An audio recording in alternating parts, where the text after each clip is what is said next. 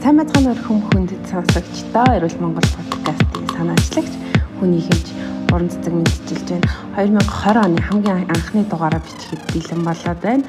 За тэгээд 2020 оны хамгийн ихний дугаартаа фитнесийн спортоор хичээлдэг тамирчин, хувийн дасгалжуулагч, докторийн хэмж оюун болрын чиг урьж оролцуулж байна. За танд энэ өдрийн мэндийг хүргэе.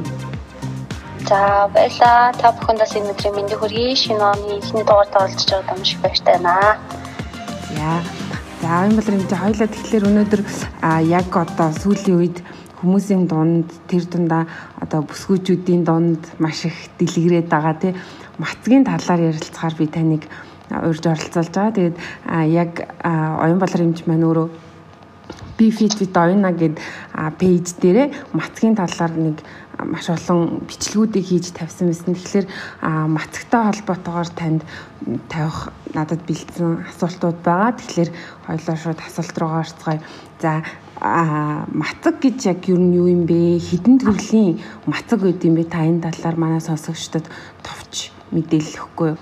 За юуны өмнө одоо мацгийн талаар бүсгүүчүүдийн дунд маш их мэдээлэл тархсантай холбоотойгоор буруу ташаа мэдээлэл бас их байдаг. Тэгэхээр хамгийн сүүлийн үед тодорхойлсноор мацаг гэж яг юу юм бэ гэхээр EDC-г үйлчлэх механизмыг ашиглаж тухайн биеийн апоптоз буюу одоо өөрийн EDC-г шинжлэх процесс явагдахын сайжруулах энэ явцыг нэг мацаг гэж нэрлэж байгаа. Хүний биеийг хоо боловсруулах тогтолцоог нь амраах байгаа мэт боловч илүү толгоргуудлыг тэр бие ярилгаж байгаа гэсэн үг. Тэгэж бол ойлгож олно ингийн тайлбарлахад. Тэгэхээр мацгийг бол ерөнхийдөө бол гурван төрөлд ангиж олно. Эхнийх нь хагас мацаг, урт хугацааны мацаг, за мөн шингэнтэй мацаг, хуурай мацаг гэдэг дөрвөө ангилж олно гэсэн үг.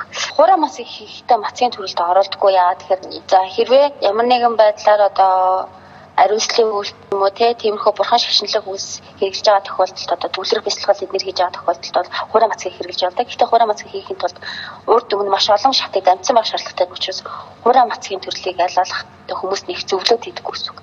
Тэгэхээр хагас мацаг, урт хугацааны мацаг, шинэ мацаг гэж ангилж олно гэсэн. Аха.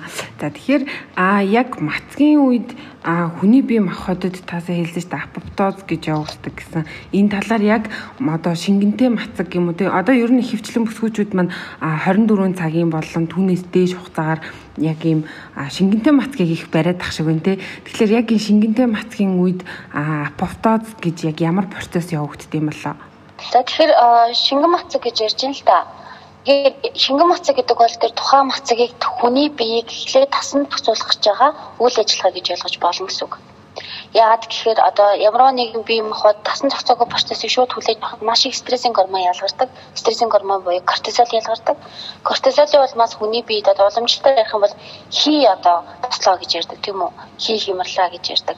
А яг шинжлэх ухаанчаар тайлбарлах юм бол кортизол даавар ялгардаг. Кортизол хит ихсгээр бидний биед одоо сөрөг нөлөөлнөд ажиглагдаж эхэлдэг. Хамгийн сүүлд би нэг бишиг дээр тайлбарласан байсан л та. Юу гэдэг ингээд жишээлбэл шингэн буюу эрцийн тогтолцоо алдагдаж эхэлнэ. Ялангуяа дааврын тогтолцоо хямарч эхэлдэг. Тэгэхээр шингэнтэй мацаг бол а яг одоо ингээд мацагт дасгаж байгаа биеийн процесс гэж ойлгож байна гэсэн үг.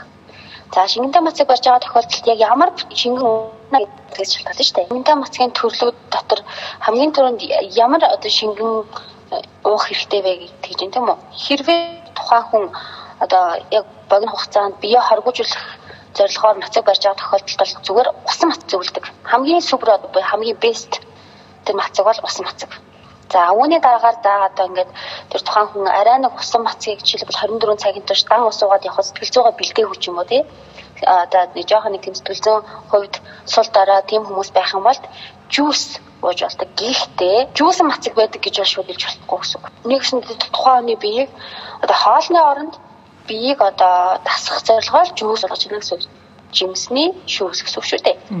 Энд нь гэхдээ гол нь ямар байх хэвээр ингэ тэгэхээр хооллог биш аль болох лимоны юм уу тийм антиоксидант шинж чанартай биеийн сэлдүүлэх чадвартай одоо тийм одоо цитрусын төрлийн жимс гэсэн үг. Энэ яад ингэ тэгэхээр жишээлбэл витамин С-ийн агуулмж өндөр байх юм бол тэсэлтэлтэй эсрэг тийм үү? Антиоксидант шүү дээ. Тэрхэлтэй эсрэгтэй эсрэг ингээд процесс явагдахаар эсийг өгшөрлөлтийн эсрэг тийм үү. Тэгээ дээрэс нь эсвийг одоо ингээгээр тайлбарлах юм бол хоргоожуулах чадварыг сайжруулж байна. гэсэн. Митохондрийн ажлыг нэлээд сайн нэмэгдүүлж байгаа гэсэн үг шүү дээ. Бозин шалцагийн эрчимжүүлж өгч байгаа. Ийм төрлөөр л шингэн мацаг барьж байгаа болохоос ш одоо өтгөн жимсний шүүс одоо туртаа аримныхаа шүүсийг ч юм уу тий ингээд одоо уух юм бол энэ бол мацгийнхаа төлөлд бол орохгүй гэсэн үг. Тэр хүн зүгээр л нэгстэй веги буюу одоо махан хоол идэхгүй нун цагаан холтонгууд байдаг шүү дээ. Цагаан хоолтын төлөөл хоол идэж байгаа ялгаагүй болсон гэсэн үг. Сүүлийн үед хүмүүс одоо яг нөгөө мацгаар маш хэрүүлж ин тэ тэгээ нөгөө жингээ асах зорилгоор бас хүмүүс их мацаг бараад ах шиг байна. Тэгэд ер нь яг ямар эмгэгүүд мацгаар эдгэрэх боломжтой вэ? Шинжлэх ухааны те ер нь Монгол ангаах ухаанд бас их мацгийн талаар ярьдаг. Тэгэхээр энэ тал дээр ер нь яг ямар эмгэгүүд мацгаар эдгэрэх боломжтой юм. Тэгэд яг энэ дээр хийгдсэн судалгаанууд байдаг болов уу? Энэ талаар тайлбарлахаас өмнө мацгийн хугацаа яг чухал. Аа За эмэгтэй хүн мацаг барьж гинөө, эмэгтэй хүн мацаг барьж гинөө гэдгээс маш их ялгаатай байд юм байлээ. Тэр сүлд одоо 2019 оны 4 сард хийгдсэн судалгаагаар л та Английн спортын одоо холбооноос хийгдсэн судалгаа байна. Америкийн дотрийн анагаахын тэм судалгаанууд байгаа байхгүй юу? Би эндээс харсан зүйлийн мэдээлэлээс хэлье л та. За жишээлбэл одоо 24 цагийн мацаг барьж гинэ гэж байна. За 24 цагийн мацаг хамгийн тохиромжтой урт хугацааны. Ялангуяа Монгол хүмүүст Ягаад тэгэхээр ийм эрсдэс уур амьсгалтай улс орон дээрэс нь үе уламжлалч мал аж ахуй их хилдэг байсан тий одоо сэрүүн уур амьсгал ихтэй хүмүүсийн зан авир тохиргүй ерөөд иймэрхүү хүмүүсийн хамгийн тохиромжтой максимум урт хугацаа бол 24 цаг. 24 цагаас урт хугацааны мацыг бариад одоо 72 цаг хүртэл хугацааны мацыг бариад ирэх нь за эрэгтэй хүмүүсийн хувьд бол арай гайгүй. Ягаад тэгэхээр тийм гормоны хувьд тийм төгс тийм нарийн юм шүү эрэгтэй хүн эмэгтэй хүнтэй харьцуулахад. А харин эмэгтэй хүн 24-өөс 72 цагийн турш мацаг бариад ирэхээр ялангуяа өндгөвч болон одоо эмэгтэйчүүдийн гормоныг зохицуулдаг тэр одоо дааврын тогтолцоо нь маш мэдрэг гэдэг. Жишээлбэл би нэг тайлбарлаж ирсэн да тэр спептин гэдэг ураг гэдэг гээд тий спептин ураг бол яг эмэгтэй хүн илүү мэдрэг байдаг. Мацаг бариад ирэхээр спептины хэмжээ дарангуулагддаг. Тэнгээс сарын тэмдэг хямрдаг эмэгтэйд сарын тэмдэг ирэхгүй болох сарын тэмдэг хямралгүй байсан хүн хит хэмжээтэйгээр ирэх өвдөлттэй ирэх зэрэг шинж тэмдэг илэрхийлдэг. Энэ цаанаа юу хэлээд байна гэхээр урт хугацааны мацаг ялангуяа стрессийн гормон буюу кортизол нөлөөсөөрөө одоо нөгөө төв мэдрэлийн тогтолцооноос захын эргэтэн буюу өндөвчих энэ шулуун шугам одоо ингээд ямарч саадгүй дардан байх хэрэгтэй байтал дундуур нь одоо ингээд саад болгоч кортизолын хэмжээ өндөр болоод эхэлнэ гэсэн. Тэгээд энийг зохицуулж ирэх спектин гэдэг уураг байж байхдаа л мацаг өрснө тийм дарангуулаад ирдэг. Ингээд ирэхээр хүний биед яг ста шууд болж эхэлнэ гэсэн. Зарим хүмүүс яг одоо ингээд цэвэршилтэй хам шинж шинжүүд ирэлтэрдэг. Зарим хүмүүст одоо хит их хэмжээтэйгээр сарын тэмдэг ирж эхэлдэг. Тэгээд дээрэс нь одоо 24-өөс 72 цагийн урт хугацааны мацыг эмхтэй хүмүүс тэлцэн хувь төсвөрлөх чадвар муутай. Эд эсүүд ерөнхийдөө л одоо цэвэр дахин шинжилж байгаа гэсэн үг. Тэгэхээр одоо шууд ийм энэ өвчнүүдийг ингэж ингэж ялгаж байна гэсэн судалгаа бол одоогор байхгүй. А харин хавдрын эсүүдийн үржил зогссон гэсэн бол Японы эрдэнтээсийн судалгаа байна. А харин бас одоо сүүлд 2018 онд хийгдсэн судалгаас нь тэрэн дээр юу байсан бэ гэхээр одоо хашлан галтын эмгүүд байгаа шүү дээ. Писераз За хүүхдүүдийн ялангуяа нэг сэтгэлийн шалгаантайгаар хүүхдүүдийн арьс маш их хуурашдаг тий. Тэгээ харшлын туултууд маш их гадаа шалтгаан тодорхойгүй олддгоо чихрийн харшилч юм шиг өөр нь харшилтай юм шиг харшлын төрлийн эмгүүд да сэтгэлийн шалтгаантай эмгүүд альчна одоо багасчна гэсэн мэдээлэлүүд бас байгаа. А дээрэс нь одоо мацаг урт хугацаагаар одоо яг тохирсон мацгаа тааруулаад барьж байгаа тохиолдолд хүн хүссэн хэмжээндээ жин хасах боломжтой. Жин хасаад ирж байна гэдэг нь өөрөө ялангуяа дотор хөлтийг багасгадаг, элэгний хөлтийг багасгадаг. Одоо одоо хэвлийн яг одоо гидсний тойргийн хэсэг таргалдаг шүү дээ. Алим хэлбэрийн таргалт гэж ярьсан тийм үү? Алим хэлбэрийн таргалт буураад ирэхээр өөр зүр судасны өвчний эрсдлийг бууруулна, даалт эсэлтийг бууруулна, чихрийн шижинтэй эзэн гэх мэтчлэн одоо тухайн хүний өвчнөд тэмцэх чадрыг нь сайжруулах гэсэн үг. Нэгсдээ байгалийн шалгарлын одоо давах чадрыг сайжруулах гэсэн. Тэгэхээр ийм өвчин одоо цэвэр мацаг болснараа эмчлэх боломжтой гэж одоо хэлэх байна шүү дээ. Тийм өөрөө өөрийнх нь л дахлааг нь одоо нэгдээ өвчний эсэргүүцэх чадрыг сайжруулж байгаа гэсэн үг. Тэр бол батлагдсан байгаа.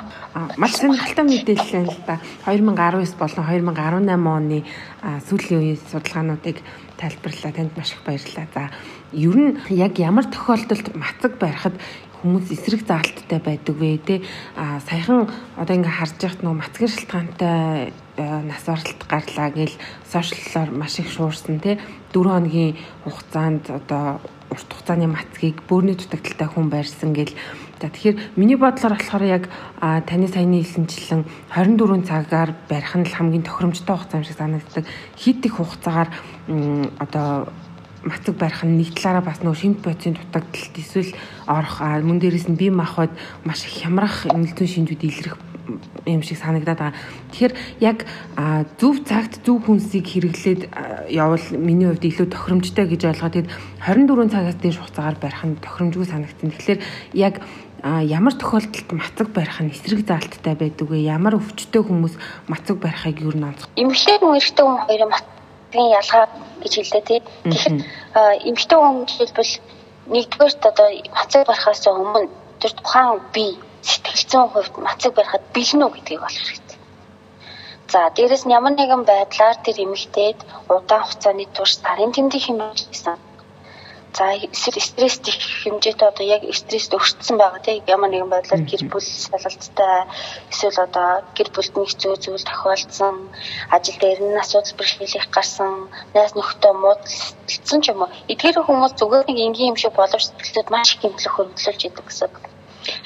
Яагаад тэгэхээр одоо бид юу гэж тайлбарламаа вэ? Гэрэл унтраадаг асуудгийн товчлуур байгаа шүү дээ. Жишээлбэл одоо бид нар хоол идэнгүүт инсулин ялгардаг тийм. Тэгээ байж 2 цагийн дараа цаад инсулин буурдаг гээд асдаг буурдаг асаадаг унтраалга товч байдаг шиг а стрессинг гормонд бол ингэж хасаар унтраадаг товч байдаг үг гэж үздэг.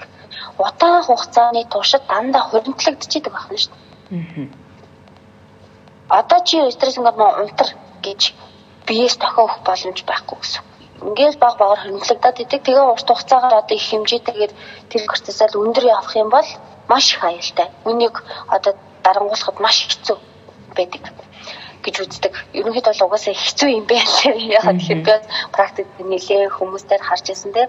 Одоо жишээлбэл одоо 2 бүтэн 2 жилийн турш ингээд бэлтгэл хийгээд хоолны дэглэм бариад ингээд ингээд явж байгаа хүний биед гарч байгаа бодис сэлцээний өөрчлөлт яг л адилхан байгаа байхгүй юу ерөөдөө тэр биед стресс л өгöd байгаа юм чинь ялгаагүй. Тэгэхээр хамгийн түрүүнд харахад бол ямар нэгэн байдлаар стресстэй гэж их хөвцөн байвал болохгүй байна шүү дээ. Бэлдээгүй байх нь тэр хүн хамгийн бэлдэх хэрэгтэй. За тэгээд гурав дахь нь болохоор тэр тухайн хүн ямар нэгэн үр дүн одоо шээсгөх юм хэрэглэх маш их хавантай гэж ярьдаг усгүй жилтэнд орж исэн ийм тохиолдолд бол өстэй олоос эсрэг заалттай байдаг мацаг. Яагаад гэхээр мацгийн үед хүний биед нэгсэндээ кетозын процесс маш их явагддаг. Одоо нэг keto diet гэж ярьж штэ. Keto diet-ийг хоолны дэглэмээрээ кетозод оруулаад байдаг бол яг энэ мацыг барьж байгаа үед зөв мацыг барьсан тохиолдолд кетозын процесс маш хүчтэй явагддаг гэдгийг одоо ламдрын бие дээр судалдаг. Ламдрын биед ингээд яад бас ламдар ийм ухаантай ингэж одоо ийм сэрэг юмыг хурц хурд юм бэ гэдэг англи эрдэнэс судалсан юм байна л да. Энэ үед яасан ингээд тэгэхээр кетозын процесс ламдрын биед одоо цуснд маш их хүчтэй явагддаг юм байна дээрэс нь нацаг барьж байгаа үед бас кетозын процесс маш их үүсдэг юм. Тийм учраас одоо юм төвлөрөх чадвар сайтай, тунгаан бодох чадвар сайтай, эвлэлийн эсүүд маш их одоо сэргэг ийм хүчтэй байгааг харуулсан байна. Гэхдээ энэ эсэргээрээ хүчтэй бие тасгаагүй тохиолдолд хүчтэй кетозд орно гэдэг маань нэгсэндээ кетостацин комдорж байгаас ялгаагүй гэсэн үг. ойлгож байгаа тийм. Кетостацин үед яадаг хэлээд тийм ус хүчлэлтэнд ороо хил мочиг хатуулдаг тийм үү мэтчлэн юунаар гардаг гэл. Тэгэхээр нэгсэндээ одоо ингээд би өөрийгөө харгуужүүлэх гээд байгаа байхгүй юу? Харгуужүүлэх процесс ингээд явагдаж хахад бодис сэлцэн тасрын бүтээгдэхүүнэд маш их үүснэ. Үүнийг хүн яах ёстой гэхээр ус ууж, шингэн зүйл ууж иж гадагшлуулна. Хэрэв хангалттай хэмжээний ус ууж, шингэн зүйл ууж гадагшлуулж чадахгүй бол тэр бөөрөнд илгэнд маш хүчтэй нөлөөлнө гэсэн үг. Тийм учраас өөр төм ямар нэгэн байдлаар шингэний дутагдалд орж исэн хүн байх юм бол болохгүй. Ерөнхийдөө мацаг үнэхээр хотойтой тэр тохиолдолд. Тэгээд илгэний эмгэгтэй хүмүүст мацгийг бас байж болдог. Яагаад хэрэг илүү хөвлөх чадвар муутай болсон байдаг. Илгэний эмгэгтэй хүмүүс. Пептидозын процесс хүчтэйг харахад илэг одоо огцом ачаалдаг. Тэгэхээр бас одоо гаш нөлөөх эрсдэлтэй байдаг. Мэдээж бөөрөнд ямар нэгэн чулуутай бөөрийн үйл ажиллагаа алдагдсан ийм хүн байх юм бол болохгүй яа мацгийг бүр бол маш их хэмжээтэйгээр цус эргэлдүүлдэг шингэний солилцоог зохицуулж яадаг маш их процессыг явагдаж байгаа шүү дээ. Тэгээд тэд нар бүгд хямардаг гэсэн үг. Тэгэхэд одоо дараагийн дараах хүмүүс бол хориотой. Харин ямар хүмүүст илүү тохиромжтой байна вэ гэхээр одоо уучлаар бадган дамгай хүмүүст мацаг их тохиромжтой гэдэг гинэ. Бадган дамгай хүмүүс гэдэг маань ингээд бол тархалах хандлагатай тэр хүмүүс болохоор нэг одоо байглаасаа тиймэрхүү урт хугацааны үйлсвэрлэнг даах чадвар маш сайтай. Би цаанасаа цогцсон гэсэн үг. Өглөөний цаг уухгүй явсан ч яахчгүй. Тэгээд дээрэс нь одоо кетозын процессыг маш сайн хүлээж авдаг. Одоо бензин солилцсон цаанаас тийм удаан учраас бензин солилцоо хурцсахад тэрийг маш таатай хүлээж авдаг байна. Одоо бадганд хэрвээ төрлийн хүмүүсийг уламжлалтаар нэрлэж байгаа бол одоо Европ ангаахаар юу ч нэрлэх юм бэ гэхээр эндоморфик газартай гэсэн үг. Нэгсэн нь жигд тархалдаг, хэвлийн гэлтэй. Хэмжилтийн англи бол Европ англиг бодоход илүү нэрийн болохоор их гой санагдсан надад. Сөүлд тэрийг бас их төрлөл зүгээр юм л яа тэгэхээр монголчууд ихэнхдээ тийм хид амгаа хүмүүсэд учраас мацаг барихаар дандаа нэг хийн хямралууд маш их үүсдэг. Стресс их өртөмтгий гэсэн үг. Дам тулах чадвар багтай. Тэгэхээр яагаад тэгэхээр завсарлаад нацаг барих тоолонд одоо зөв барьж байгаа тохиолдолд шингэнээ яг тохируулж байгаа тийм ялангуяа усал он гэсэн үг дээ эсвэл ногоон цай. Кофеч нэгсэн Монгол хүнд бол тохирохгүй а баста кофе мафе гэх кето дайтайхан байдаг л да. Хэрэг шаардлагатай кофе ууж байгаа бол нацаг барьж ин гэсэн үг биш. Тэр хүн бол нацгаа тайлж байгаас ялгаагүй. Одоо нацыг чи эвдэнэ л гэсэн үг. Аа. Ийм онцлогуд их байна байна. Одоо гэдэг үргэлжлүүлсэн судалсаа л байна хүмүүс туршиж үзэж юм. Тасгалгаат мацаг яагаад илүү тохиромжтой байдгийг гэхээр одоо хагас мацаг гэсэн үг шүү дээ. Орой хоолноос өглөө хоол ингэ цагаараа зохицуулаад байдаг те. 16 8 юм уу 18 6 ч юм уу 24 ч юм уу уртцаад байлуулах яваад байдаг. Яг ялангуяа эмэгтэйнд яагаад тохирд ингэ тэгэхээр одоо ясэндээ биологийн био хэмнэлтэнд тааруулчаар тэр тухайн хүн олон одоо сэргийх болоод байдаг гэсэн үг. Био хэмнэлийг л дэмжиж өгч байгаа гэсэн үг манай монголчууд ч маш ухаантай ард түмэн байж л дээ. Бид эдл одоо ингээд алдагдуулаад байгаа болохоос ш. Ингээд био хэмнэлтэд тохируулаад яг амьдрал хэмнэлийг тааруулсан.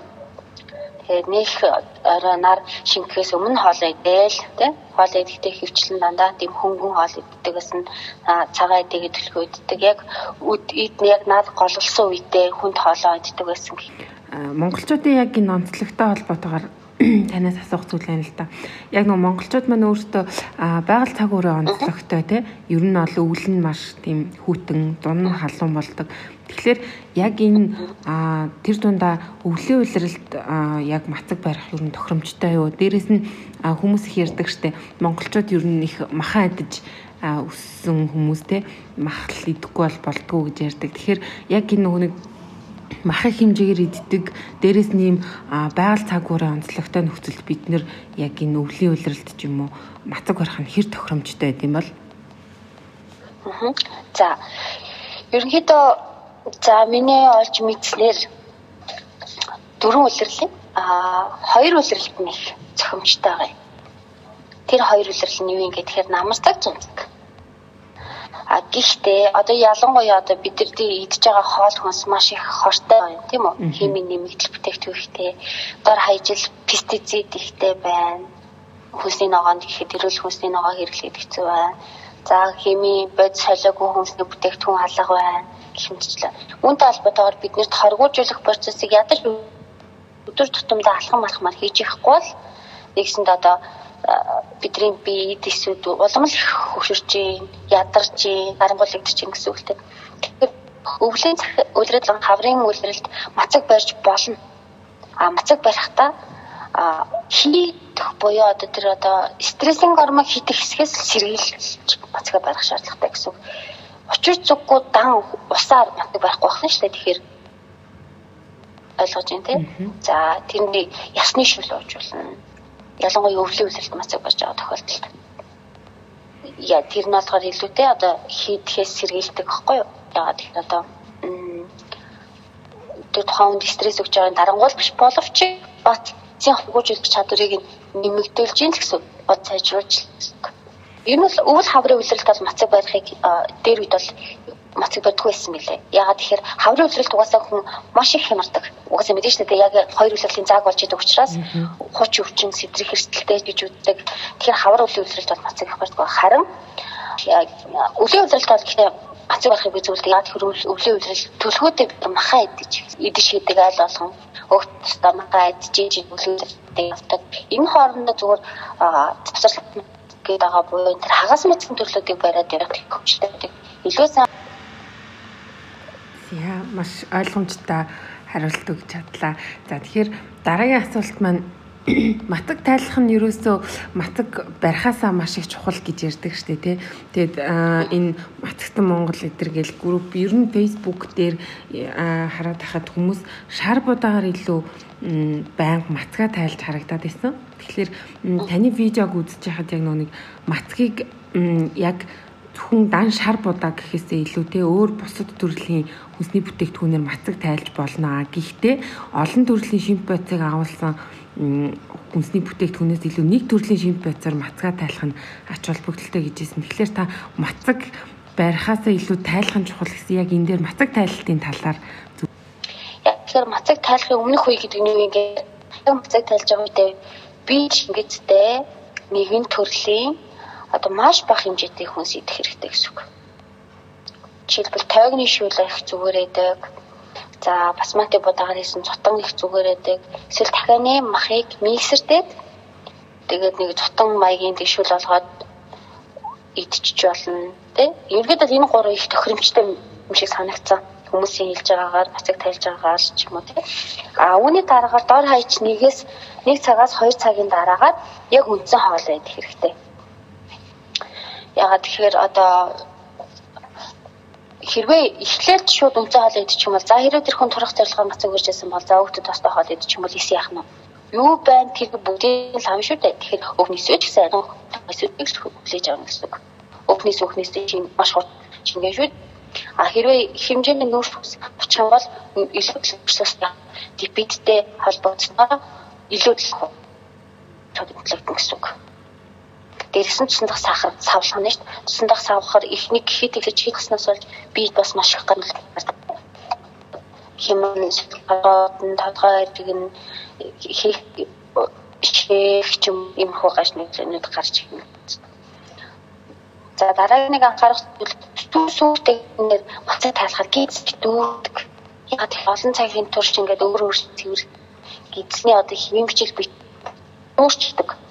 Тэгэхээр яг энэ үед нэг түүхээр тэгэхээр одоо хи хи үсгэж нянгагийн хэмжээтэй байх нэ гидс дүүрдэг сүмтэй түүний шингээж чаддггүй эсвэл өтгөн хатдаг тэгэхээр эдгээрээс залсхийгээд өөрт тохирох одоо миний төрөчийн тайлбарсан дээр гурван хүнсний бүтээгдэхүүнээр хаглаад дараа нь энгийн хүнснийхээ бүтээгдэхүүнийг явж өрөх үед бол болно гэсэн үг. За тэгэхээр би би жишээлх юм бол мацаг барихаар яг нэг сэтгэл зөөгөө бүрэн бэлдэж чадаагүйгээсээ болоод ч юм уу те яг нэг мацгаа айгу буруу тайлдаг байсан юм лээ.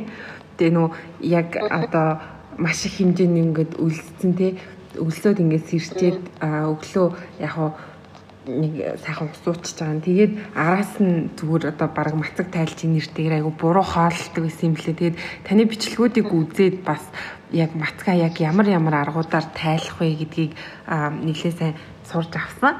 Тэгээд одоо ер нь хүмүүс кето дэглэмийг маш их барьж байгаа шүү дээ, тий? Мацагтай, хэсэгчилсэн мацагтай бас нөгөө хавсруулаад явах юм бол маш сайн турдаг ч юм уу те. Эмэгтэйчүүд бол тэр нэг фейсбુકийн группт маш идэвхтэй байдаг юм лээ. Тэгээд кето дайтыг аявуух барьдаг. Тэгээд яг бас зарим талаараа би хараад хах нөх хит их нүүрс усаа хасаад өөхтөөс уургийн хэмжээг нэмэгдүүлээд ирэхээр За бас бөөрийн талаас ч юм уу те ургийн хэмжээг нэмэгдүүлээд өгч учраас ямар нэг сөрөг нөлөө байдаг болов уу гэж би хараад та. Тэгээд чинь би бол нөгөө хит их нүүрс усаа хасаад ирэхээр маш их бухимддаг байхгүй юу? Нөгөө кортизол маань амар их нөгөө өөрөө яг сэтгэл зүй бэлэн биш учраас айгүй ингээд стресст өртдөг. Тэгэхээр яг энэ нүүрс усыг бас ингэж огцом хасах нь үү? Тэгээд бас нөгөө уургийн уург өгдсөн хэмжээ нэмэгдчихэж байгаа учраас энэ шимп бодисын харьцаа алдагдаад бас хямрах тохиолдол байдаг болов. Энэ талаар та мэдээлэл өгөөч. За энэ талаар ярилцахад хоёлоо энэний өмнө хүний биеийн галбирынхаа талаар бас ярих хэрэг болно. Ягаад тэгэхээр ямар төрлийн хүмүүс төгс кетод тохирох уу тохирно. Тохирох төгс тохирох хүмүүс байна.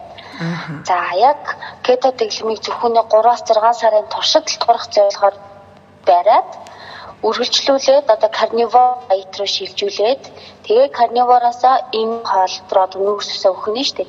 Ингээд шилжүүлэх явбал бас тохирох хүн байна. А бүр огт кето тохирдгүй хүн бас байна. Жишээлбэл кето дөнгөж барьж эхлээл бөөр нөвтөө тэглэлээ хавнаад эхлэе гэдэг хүн уушлаараа танд кето тохирохгүй гэсэн байхгүй юу? Ягаад тэгэхээр тэдний эд эсүүд хизээж өг тосыг фуйл буюу түш болгож ашиглах боломжгүй гэсэн үг байна шүү дээ. Харин одоо нөгөө төрлийн хүн нь болохоор одоо хүний бие ингээл гурван ангилч замд эндоморфик, изоморфик, эктоморфик гэх юм. Эсвэл хийгээ ба шар бадган ч юм уу те. Эсвэл ovary type юу гэдэг энэ төр шиж андрогеник type, thyroid type гэх ингээд ангилаад үзэж байгаа байхгүй. Тэр хүмүүсээс ингээд харахад тэгэхээр одоо жишээлбэл одоо манайх ингээд юм битэр тушиж болов яах вэ? Болно те одоо жилийн ч гэсэн одоо өөртөөс төмөнжөр юм л туршиж үзлээ. Тэгээд аль нь тохирох юм гээд одоо ч ихсэн сорж хийгээл явж лээ л да. Тэгээд энэ дээрээс яг юу хэлэх хэрэгтэй юм гэхээр за 3-аас 6 сар ер нь бол би ингэж хэлдэг. Хүмүүс маш их одоо ингээд үзлэг хийлгээ, орсон сэтэл үзлэг хийлгээл ингээд орж ирэл. Кезэдайд ирсэн хүмүүс маш их байгаа байхгүй юу? Би ингээд яриад эхэлж бод ийм дэглэм барьж эхэлж байгаа гэл. Тэгээд сонс сонсож байгаа л тэгэхээр нэгдүгürt манайх кезэдайд маш буруу барьдсан би лээ. Анханасаа. Dirty keto гэж нэрлэдэг ааштай бохир keto гэж ярьдаг яг яг макронуудад зөв одоо тооцож чаддгүй гэсэн үг. Дээрээс нь Монгол хүнд яг тэр ногоо өнгийн ногоо ормол тохирох уугүй юу гэдэг чинь бас өөрөхгүй. Жишээлбэл одоо жишээлбэл одоо бид нэг уургаар баялаг тий мах идчихлээ. Тэгвэл бууцаач уурга маш ихтэй, дээрс нь төмөр маш ихтэй. Энэ хоёрыг нэг хүнсэнд авах юм бол бүр макрон их гарна шүү дээ. Тийм ээ? Аа.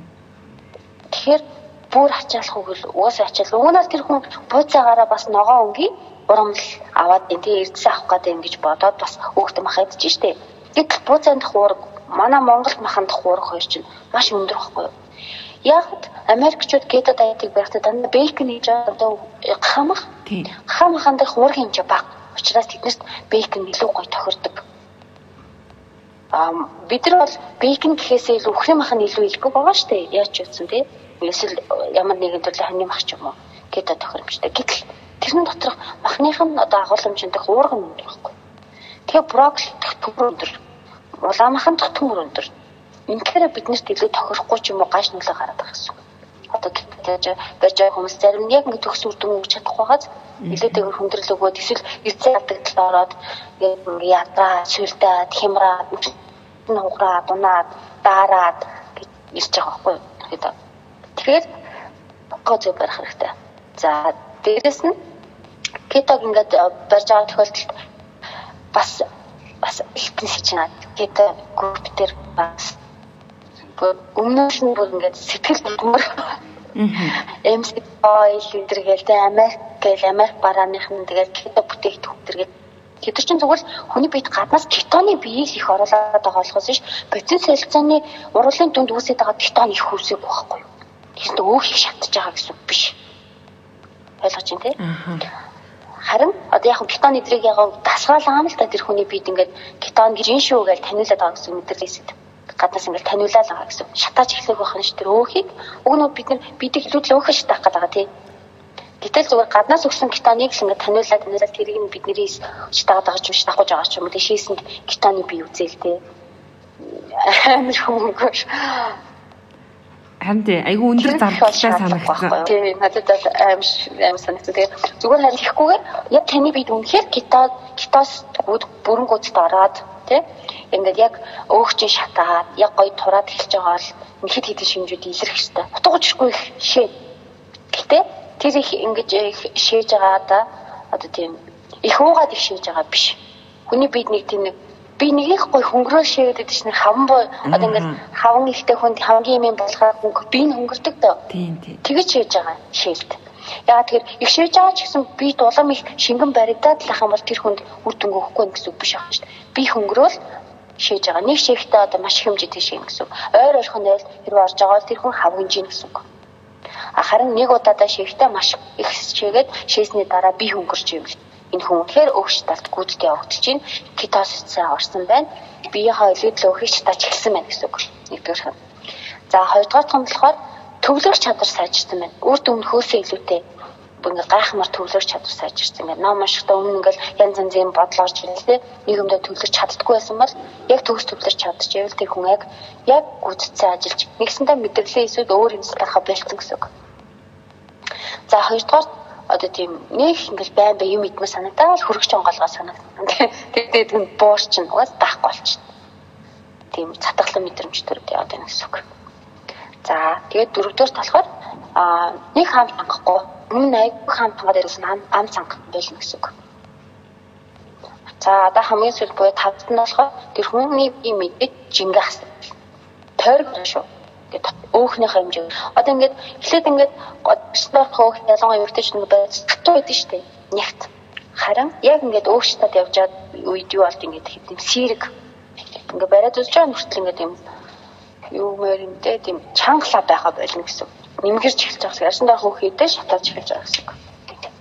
Гэтэ ер нь бол маш богино хугацаанд ийм хурдан үр дүнд хүрэхгүй л дээ. Хятад аятаар эхлээд тэр хүний хэрвээ илүү хэмжээтэй өгөлт байсан бол илүү өгөлт багсна. Тэрний дараа дотор өгөх бас хамгийн сүүлд ашин дорх өгөлт багсна. Тэр нь болохоор нүдэнд харагдах зуршилт гэсэн үг шүү дээ. Эхлээд бол ямар ч сан тойргороо л багсч байвал кетоз үнэхээр орсон байна үр дүнгээ өгч байна л гэсэн үг. За тэгтийн талаар ярих юм бол хоёулаад маш их юм байгаа. Carnivore ярьж хэлэх шаардлага гарна. Carnivore diet гэдэг үү шүү дээ. Эсвэл paleo diet ч юм уу. Эдгээр талаар бас ярьж иж илүү сайн зэрэнгөө ойлгохгүй бас зүгээр нэг юмний өнгөцгөн захаасан л авсан юм шиг болж байгаа. За хоёлаа маш сонирхолтой яриа өрнүүлээд аль хэдийн 40 минутыг өнгөрөөсөн байна. Тийм тэгээд маш сонирхолтой яриа өрнүүлж бид сонсогчтой маань маш их шинжлэх ухааны үндэслэлтэй мэдээллээр хангаж өгсөнд маш их танд баярлалаа.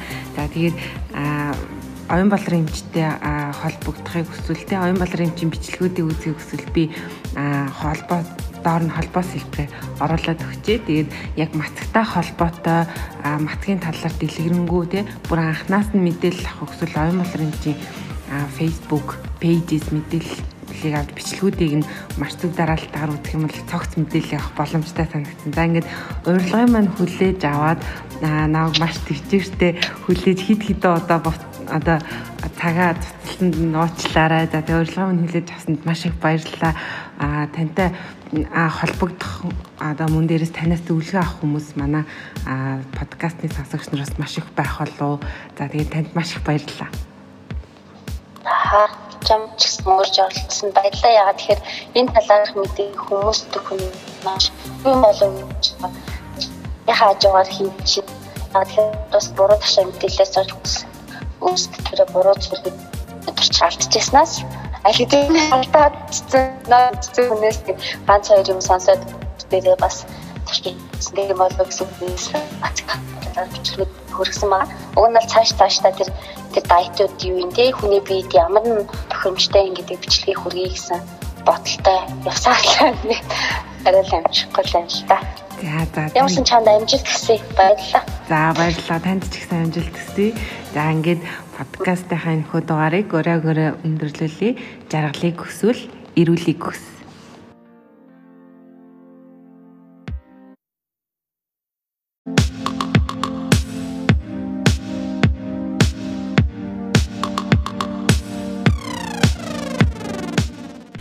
Самбайхан өрхөн хүндэт сонсогчдоо Эрүүл Монгол подкастыг сонгож сонсож буй танд баярлалаа. Подкаст сонсож байгаа өглөө өдрөөрөө нэмэндэг та бүхэндээ хүргэе. За тэгэхээр подкастаа ингэж эхлүүлээгүй нэлээд удсан байна. 2 сар гаруй хугацаанд та бүхэнтэйгээ уулзсангүй. Тэгээд яг нөгөө 2 сарын хугацаанд юу исэн бэ гэхэлэр нэгдүгürt жоохон ажилтаа байлаа. Хоёрдугаарт хүнд нэг жоохон юм боддог. Тэгээд баг зэрэг юм амралт авдаг үеуд байдаг. За тэр үе маань энэ удаагийнх нь 2 сар гаруй хугацаатай үргэлжлээд жоох удчлаа. Ерөнхийдөө бол баг зэрэг эм борсон гэж ойлгож байна. Аа одоо яг хавар болоод гадаа ингээд гой дулаарад сайхан өдөр уртцаад одоо ингээ ажлын бүтээмж нэмэгдээд яг ингээд нэг сэргээд ирдэг үе гэдэг. Одоо тэр үе маань айгуу гоё ирсэн. Тэгээ юу л бол юу хий алаадаг гэдэг юм сэтгэхүйтэй болцсон байна. За тэгээд өнөөдөр та бүхэнтэйгээ кофений талаар ярилцахаар кофе эрүүл мэндэд гэдэг сэдвийг сонгож аваад кофений талаар кофе хүний бие махбодод яг ямар эерэг нөлөө үзүүлдэг, ямар сөрөг нөлөө үзүүлдэг талаар мэдээлэл өгөхөөр сууж байна. За тэгээд ингээд подкаст руу орцгоё. За тэгэхээр одоо яг кофе гэхлээр манай монголчууд нэг 2000-аад оноос хойш хэрэгжилж ирсэн байх гэж би хардаг. Тэгээд 2017 онд 95 95.9 тонн одоо кофег импортлж оруулж ирсэн мөлий. За тэгээд статистикээс харах юм бол яг манай монгол хүмүүсийн 15-аас 60 насны хүмүүс хөвчлэн кофег ууж хэргэлдэг. За үүний маань яг энэ 15-аас 60 насны хүмүүсийн одоо 53% нь кофег тогтмол хэрэгэлдэг гэсэн юм судалгааны дүн байдаг. За яг энэ кофе тогтмол хэрэгэлдэг хүмүүсийн маань 73% нь instant coffee буюу одоо уусдаг кофе гэж нэрлэдэг байгаа. Одоо энэ кофе хэрэгэлдэг бол 20% нь одоо дунд зэргийн кофе буюу одоо кофе нөгөө латте, капучино зэрэг ийм свит амттай, ийм сүүттэй тий ийм кофе хэрэгэлдэг. Харин үлдсэн 7% нь яг эспрессо, американо зэрэг кофег ингээд нөгөө хараар нь ингэж чанж уудаг байх нэ. За тэгэхээр одоо ер нь бол кофений соёл маш дэлгэрсэн яг кофений бизнес ч гэсэн гадуур маш амжилттай явж байгаа хүмүүс кофег эрүүл мэндэд хэрэгтэй гэдэг талаас нь хардаг, судалдаг, уншдаг болсон. За тэгээд кофег хэрэглээд одоо ингээд залуучууд маань айгүй гоё ирч хүчтэй болдог те ажлын бүтээмжийн улам сайн сайн нэмэгдүүлэхийн тулд те өөрийгөө анхаарлыг төвлөрүүлэх яг ингээд одоо ирч хүчтэй болох зэрэг ийм одоо мэдрэмжүүдийг авахын тулд аюу хуудаг болцсон байгаа. Тэгэхээр яг ямар кофеин ийм мэдрэмжүүдийг өгөөд ямар нь бүр илүү хүний бие махбодод сөрөг нөлөөтэй дээрэс нь бүр ингээд а одоо нойрмоглуулад байдаг талаар та бүхэндээ мэдээлэл өгье.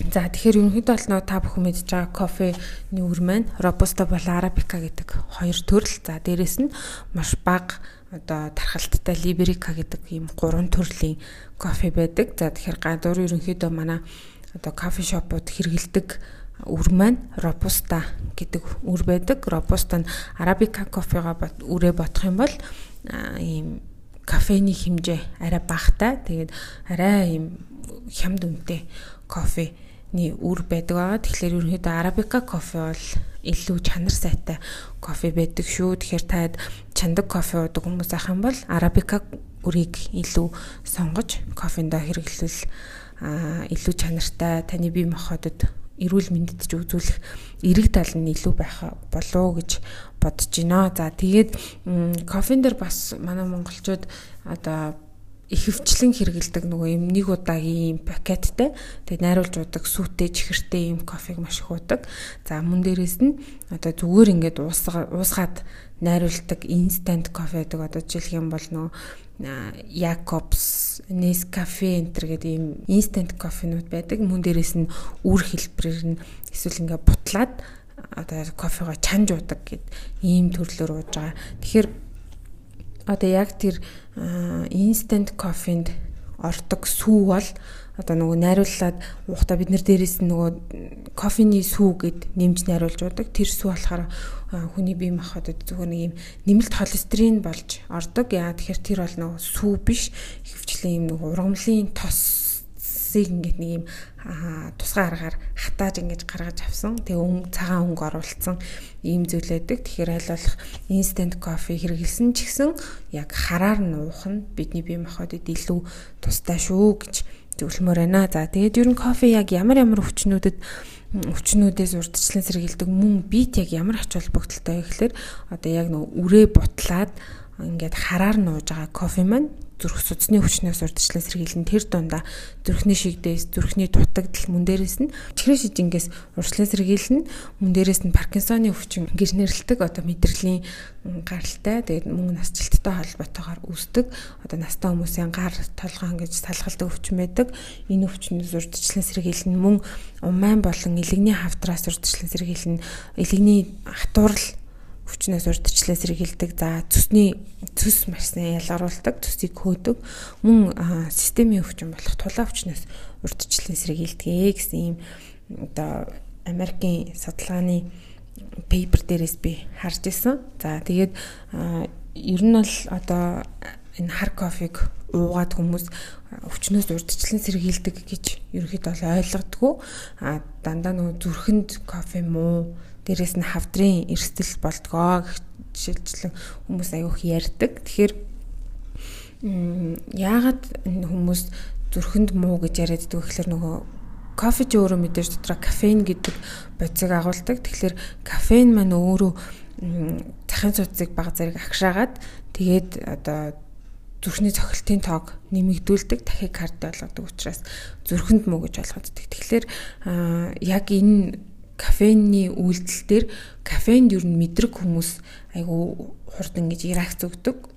Зүрхнийхэн цохилт огцом нэмэгдэх, артерийн даралт огцом нэмэгдэх зэрэг шашин тэмдэглэрдэг. Тэгэхээр яг ийм кофеинд мэдрэг хүмүүс бол маш болгоомжтой кофег хэрэглэх хэрэгтэй. А кофеинд мэдрэг биш хүмүүс бол харин хар кофег бол өдөрт одоо нэг 3 аяыг уухад бол а яг нормал хэмжээ болоод таныг альва өвчнөөс урдчлан сэргийлэх бүр тэр дундаа илэгний хавдар тэ илэгний өвчлөлүүдээс урдчлан сэргийлэх боломжтой гэдгийг энэхүү дугаараар та бүхэнд ойлгуулах гэсэн юм аа. За тэгээд нэг судалгаанаас дурдах юм бол яг цэвэр экспрессог те удамшлын ямар нэг артерийн даралт ихтэлт болон зүрх судасны өвчний анамнезгүй а дээрэс нь цусны даралт яг одоогийн байдлаар ихсээгүй тэгээд тийм эрүүл чирэг одоо хүнд артерийн даралтыг бүр улам бууруулдаг гэдэг юм зүүн судалгаа байдаг. За тэгэхээр артерийн даралтыг, систлийн даралтыг 13 мм мөнгөсний багнаар диастолын даралт буюу доод даралтыг 7 мм мөнгөсний багнаар бууруулдаг гэдэг ийм судалгааны үр дүн гарсан юмсан. Тэгэхээр одоо нөгөө захын судас агшдаг тий ингээд кофенд хит мэдрэг хүмүүст бол ийм юм л зүйн шинж мэдээж илэрхгүй. Тэгэхээр кофенд мэдрэг бус одоо яг тийм эрүүл чирэг хүмүүс бол кофег уухад артерийн даралтыг бууруулж өгдөг бахнэ. За тэгээд одоо ер нь кофений үйлдэл, кофений үйлдэл биднэрт айгүй сайн мэдрэгддэг те яадаг вөхөр би жишээлх юм бол одоо нөгөө кофег уух айгүй дуртай. Тэгээд кофег уухаар ингээ бүр сэргээд айгүй гоё болдог байхгүй яг ингээ нарийн бүтээмж улам нэмэгдээд анхаарал төвлөрөлт энэ төр айгүй сайжирдаг. Тэгэхээр өдөр нөгөө цааны цагийн дараа ч юм уу нэг аяг кофе, хар кофе уучаар айгүй гоё сэргдэг. Тэгэхээр яаж ингэж бид нарыг сэргээгээд идэг вэ гэхлээр кофе мэн одоо нөгөө бидний бие махбодоос аденозин гэдэг бодис ялгардаг. За аденозин хүнийг одоо ингээм амрааж унтуулах, тайшруулах үйлдэлүүдэлдэг. А гэтэл мэдрэлийн эсийн одоо гадаргуу дээр аденозиныг хүлээж авдаг рецепторүүд байдаг. А гэтэл одоо нөгөө кофеин маань аденозинтой химийн бүтцийн хувьд баг зэрэг төстэй. Тэгэхээр одоо энэ аденозин рецептортойгоо очиж холбогдохоос өмнө төрүүлээд кофеин очиж холбогдчихдаг. Тэгэхээр кофеин маань мэдээж мэдрэлийн эсийг сэргээх үйлдэл үзүүлдэг учраас ингээд аденозиныг нэгдүгürt блоклно хоёрдугаарт мэдрэлийн эсийг сэргээгээд ингээд хүнийг сэргээж ингэж одоо сэтгэл санаа өөдрөг болгох за дээрэс нь ажлын бүтээмжийг нэмэгдүүлэхдээ эрт хүчтэй нэм пашнд болгох ийм үйлдэлүүдийг та үзүүлдэг. За тэгэхээр ерөн бас хүмүүс хитрхийх кофег уух нь бас зохимжгүй байдаг. Тэгэхээр мэдээж кофег зохистой хэмжээгээр уух гэдэг нэг асуудал гарч ирнэ. Тэгэхээр кофений зохистой хэрэглээ ямар байдаг вэ гэхээр кофенийг хүн хоногт одоо хамгийн дээд тун 400 мг-ыг авах хэрэгтэй. За зөвлөмж тун 200 мг байдаг. Тэгэхээр нэг аяг буюу 100 мл кофенд за 75-аас 100 мг кофеин агуулгаддаг. За тэгэхээр ер нь бол хүн хоногт нэг 3 аяг кофе, хар кофе уухад одоо зөвлөмжит буюу 200 мг кофеин авч чадна гэсэн үг. За тэгэхээр үүнээс дэш 5 болоод ирэх юм бол хоногийн дээд тун болдог. За 5-аас дээш аяг кофег хэрэглэх юм бол ер нь одоо гач нөлөө те ийм хүний биед таагүй мэдрэмжүүдийг төрүүлээд тэгээд одоо альва өвчин үүсэх эрсдлийг нь нэмэгдүүлээд ирдэг. Тэгэхээр кофе ерөнхийдөө зохистой тунгаар чанартай кофе эрүүл мэндэд сайн харин аливаа юмны тун хэтэрхэр л угаасаа одоо ямар нэг буруу үйлдэл үзүүлээд эхэлдэг. Тэгэхээр тунгийн тааруулж хэрэглэх хэрэгтэй. Тэгэхээр би бол одоо жишээлх юм бол хоногт нэг 2 аяга хар кофе уучдаг. Тэгээд яг ингээд ирэхээр одоо бол надад асуудал хүн маань гэд би айха болчихж байгаа байхгүй кофе уухасаа эргэлцэхээ болчдөг. За тэгээд хүмүүс бас ярьдаг л та кофег одоо ингээд уугаад ирэхээр хавдрын өндөр эрсдэлтэй энэ төр. Тэгэхээр бас энэ кофен дээр нэг хавдраас харин ч урдчлан сэргийлнэ гэдэг судалгаа байдаг. Яа бас л нөгөө зохистой тунгаараа урдчлан сэргийлэх үйлдэл үзүүлдэг. Тэгэхээр акриламид гэдэг бодис дээр үндэслэл хүмүүс нөгөө хавдрыг үсгдэг гэж бодоод байдаг. Гэтэл акриламид гэдэг бодис маань яг юм хар үрээрээ байгаа кофенд бол зөвшөөрөгдсөн хэмжээнд агуулгадчихийдэг. Тэгэхээр одоо нэг акриламид гэдэг маань юу вэ гэхээр нөгөө аливаа хоол хүнсийг хуурж шарахад одоо нөгөө стейк энтрийг шарж те грилдэд шарж шарахад үүсдэг тийм химийн нэгдэл байгаа. Тэгэхээр энэ химийн нэгдэл маань зохистой тун хэмжээ гэж байгаа. Тэгэхээр кофег бид нөгөө нэг хуурах явцад одоо акриламид үүсдэг. Тэгэхээр акриламид маань кофенд зохистой хэмжээгээр байдаг учраас одоо хорт тавдар үүсгэнэ гэж айх хэрэггүй гэж ойлгож байна. Тэгэхээр 2016 онд олон улсын хорт тавдар судлалын агентлаг кофег канцерогены 3 дугаар бүлэгт буюу одоо хорт тавдар үүсгэгч биш гэсэн ангилалт нь оруулсан байдаг. За мөн дээрээс дэлхийн эрүүл мэндийн байгууллага 2016 оны 6 сарынхаа одоо хурлаар кофег канцерген бишээ гэдгийг бол ингээд зарласан байж байгаа. Тэгэхээр хавдар үсгэх ямар нэгэн эрсдэл кофенд байхгүй учраас та кофег ууж болно. Гэхдээ instant coffee буюу одоо тэр нөгөө уусгаж бидний хэрэглээд байдаг Jacobs энэ тэр Nescafe дээр болохоор одоо нөгөө үрийг хуурснаас хураад тэрний дараа дахин боловсруулалтанд явуулаад одоо тийм нэг шахмал хэлбэрт оруулчихад байгаа.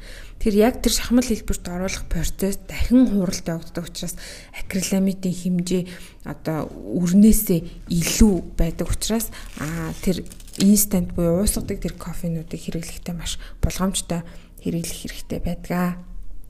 За Үүнээс гадна одоо кофе уухлаар нөх хүмүүс унтахаа болчдөг тий нөгөө зохистой тунгаар нэгдүгээр тэрглээгүй хоёрдугаарт буруу цаг хугацаанд хэрэглэнээс болоод нөгөө нойрог үдэл төрөх гэдэг. За тэгэхээр кофег уух одоо болон уух цаг болон метаболизмыг нь маш сайн мэдчих хэрэгтэй.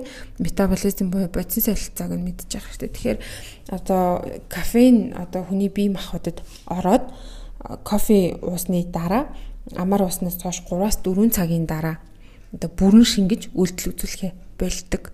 За тэгэхээр одоо кофег уусны дараа 15-аас 60 минутын дараа одоо цуснд хамгийн өндөр тундаа очоод хамгийн өндөр үйлдэл үзүүлдэг гэж ойлгож байна. Тэгэхээр 3-аас 4 цагийн дотор бол би дараа одоо миний биес бүрэн гарах юм байна гэж ойлгоход таад маань одоо кофега унтахаасаа 3-аас 4 цагийн өмнө одоо уусан. За бүр 5 6 цагийн дараа өмнө уусан нь илүү зохимжтой байдаг.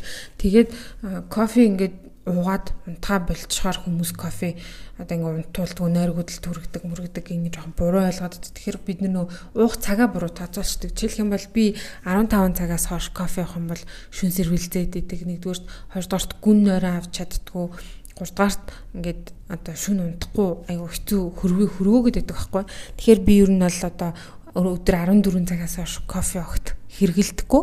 Тэгэхээр яг өөрийнхөө бие махбодод бас тохируулаад ингээ цагаа сонгох боломжтой. Тэгээд яг энэ одоо кофений метаболизмтай холбоотойгоор юу хэлэх гэж байгаа вэ гэхээр илэгний өвчтөй, дээрээс нь жирэмсэн, тамхи татдаг хүмүүст одоо энэ кофений биеэс ялгарах хугацаа нь илүү уртсаад идэг. Яадаг гэхээр одоо жишээлх юм бол илэгний хүнд өвчтөй хүмүүст яадгүй гэхээр одоо илэгний цитохром P450 гэдэг фермент байдаг. Энэ ферментийн дутагдaltaй холбоотойгоор кофег задлж чадахгүй ингээд тусаар эргэлдээд одоо ингээд биеэр эргэлдээд үйлдэлээ үзүүлээд биес ялгарахгүй байгаад байдаг. Гэтэл зүгээр эрүүл байгаа хүмүүс бол 3-4 цагийн дотор ялгарчдаг.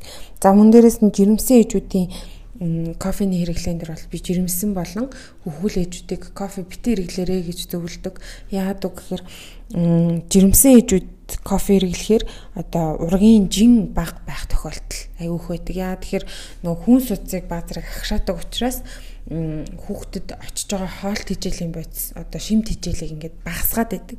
Тэгэхээр нөгөө хүүхд ургийн жин багтаа байдаг. Тэгээд төрсөн хүүхдүүд мань айгүй жижиг бага жинтэй төрөөд идэг. За харин төрсэн ээжүүд маань хүүхдээ хөхүүлэх явцад хөхний сүгээр кофеин дамжиж ялгардаг учраас одоо кофег хэрэглэхээр хүүхдүүд нь ингээд унтахгүй уйлагнаад ингээд сэрвэлзээд аюу хэцүү өртөөж тэр хүүхдэд нь ч тэр ингээд амарч чадахгүй аюу хэцүү байдал үүсдэг.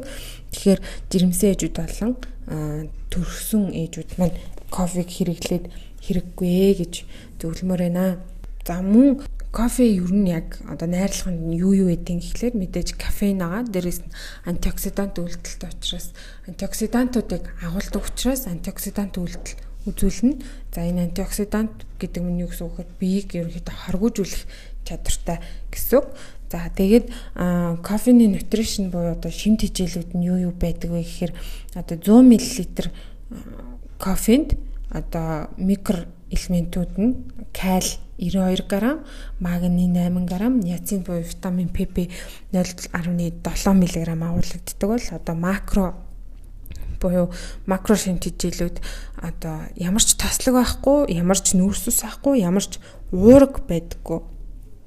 Тийм учраас одоо ямар ч одоо нэмэлтгүй цэвэр хар кофе бол одоо ямар ч илчлэггүй гэж тооцогддог учраас одоо нэг мацаг барьж байгаа хүмүүс энэ төр ганц аяг хар кофе эдрэг бол уух боломжтой байдаг. Ямар ч илчлэг байхгүй.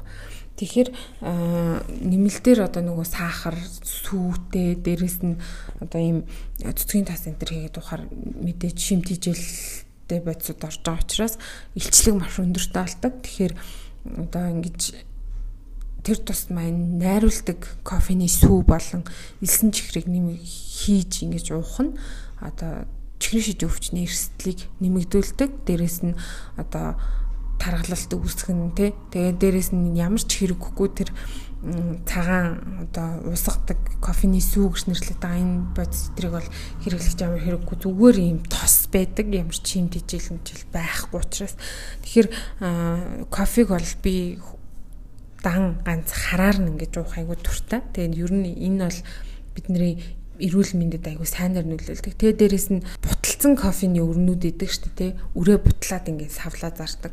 А тэр идэр болохоор яг нөө дөнгөж үрээ буталснаа буталснаасаа чанараа алддаг. Тийм учраас яг ингээд үрээ тэр доор нь бутлаад тэгээ кофега чанж уух нь илүү одоо антиоксидант үйлдэлтэй нэгдүгээр хоёрдугаар кофеины хан хэмжээ яг одоо агуулгадах хэмжээгээрээ заасан хэмжээгээрээ тэр кофенд агуулгадчихийдэг мөн одоо ийм шин одоо гоё кофег л ууна гэж үзэж болно. Тэгэхээр тэр instant кофе дээрэс нь үрээ буталчихсан байгаа кофенуудаас илүү кофеныхаа үрийг аваад та бүхэн бутлаад тэгээд шинхэн гоё кофега уугаарай гэж та бүхэндээ зөвлөмөр байна. За тэгээ кофетэй холбоотой асууж одоо тодруулах зүйл эрүүл мэндтэй холбоотой мөн дээрээс нь кофений түүхтэй ч юм уу эсвэл кофений талаар ямар нэг асуух зүйл хамбал та бүхэн комент хэсэгт асуултаа үлдээгээд асуугаарай. Би тэр дор нь хариулах болно. Аа за тэгээд энэ хүртэл анхаарал хандуулж сонссон та бүхэндээ баярлалаа. Дараагийн дугаараар уулзтлаа. Түр баяртай. Жаргалыг хүсвэл эрүүлийг хүс